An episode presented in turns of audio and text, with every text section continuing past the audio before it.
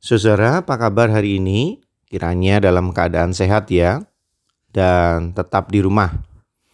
Saya ingin mengucapkan terima kasih karena selama ini saudara mau mendengarkan renungan emas ini.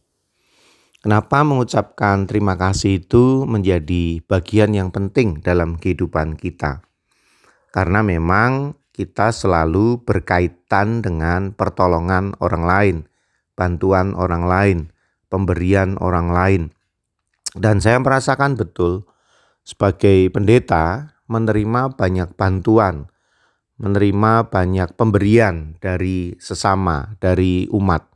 Dan sekali lagi saya mengucapkan banyak-banyak terima kasih. Rupa-rupanya berterima kasih juga bukan perkara mudah Tuhan Yesus pernah mengalami sebuah kisah di mana dia menyembuhkan 10 orang kusta, tapi hanya satu yang berterima kasih.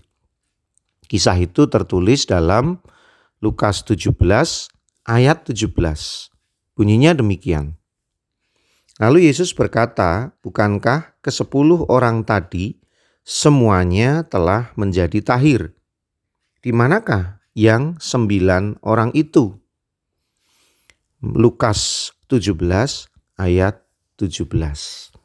Ya, ada 10 orang sakit kusta, semua disembuhkan, tapi hanya satu orang yang berterima kasih kepada Tuhan Yesus, kemudian memuliakan Allah, dan uniknya dia adalah orang Samaria.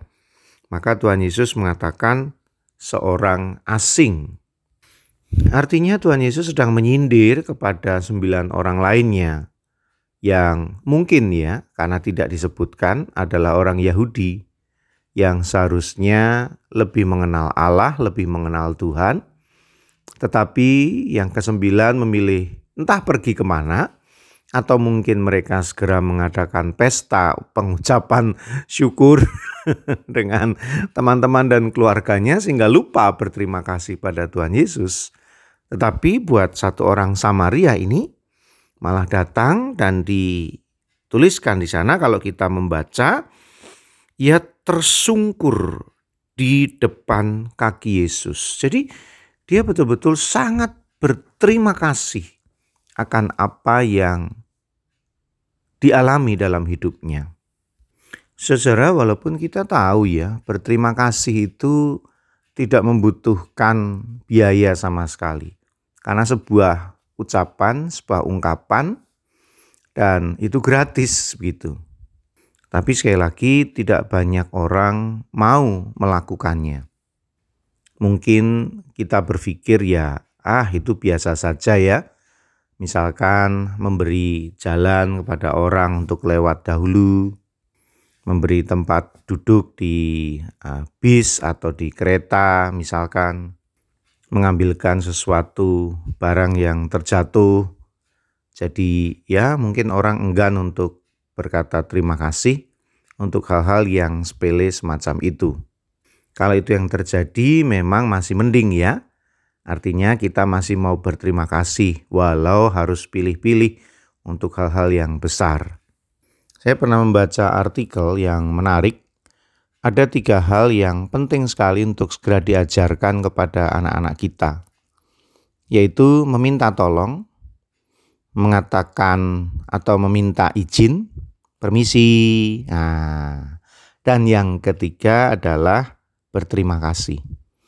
Kalau anak-anak kita dibiasakan dengan tiga hal itu, sebetulnya kehidupannya jauh lebih berkualitas. Begitu yang dikatakannya. Dan apakah saudara setuju?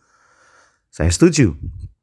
Karena memang ketiga hal itu adalah etika dasar yang harus dimiliki oleh manusia. Nah, jadi kalau kita mau disebut manusia yang beretika, mari kita sering berterima kasih kepada orang lain saat kita mengalami pertolongan apa pun, sekecil apa pun, bantuan apa pun, sesederhana apa pun. Mari kita tidak lupa berterima kasih. Dan saat ini ucapan terima kasih terbesar kita adalah kepada para medis yang sudah berjibaku menghadapi pandemi ini dan menaklukkannya. Setulus hati saya mengucapkan terima kasih para dokter, para perawat, pekerja kesehatan di rumah sakit, di klinik-klinik, atau di berbagai tempat yang menyediakan penanganan dan penyembuhan untuk COVID ini. Sangat-sangat terima kasih. Mari kita merenungkannya. Dan saya ingin berdoa untuk saudara-saudara. Saat ini kami bersatu hati dengan penuh syukur karena di tengah-tengah pandemi dan wabah yang sangat merepotkan kami ini Tuhan, Engkau menghadirkan para dokter, menghadirkan para perawat, pekerja kesehatan, pekerja rumah sakit.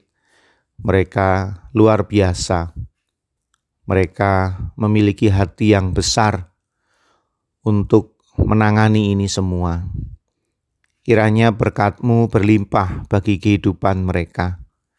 Sehat selalu, keluarga mereka rukun dan diberkati secara luar biasa. Tuhan kami sangat berterima kasih atas keberadaan mereka semua. Dan apa yang mereka lakukan akan kami kenang sebagai berkat besar, jalan keluar dan solusi atas perkara kehidupan kami. Terima kasih Tuhan Kau menghadirkan mereka, Engkau tambahkan hikmat, karunia, dan talenta yang besar kepada para medis ini. Terima kasih untuk berkatmu Tuhan Terima kasih untuk keberadaan mereka.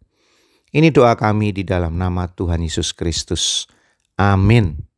Masih bersama dengan saya, Pendeta Yudi, dalam Renungan Emas.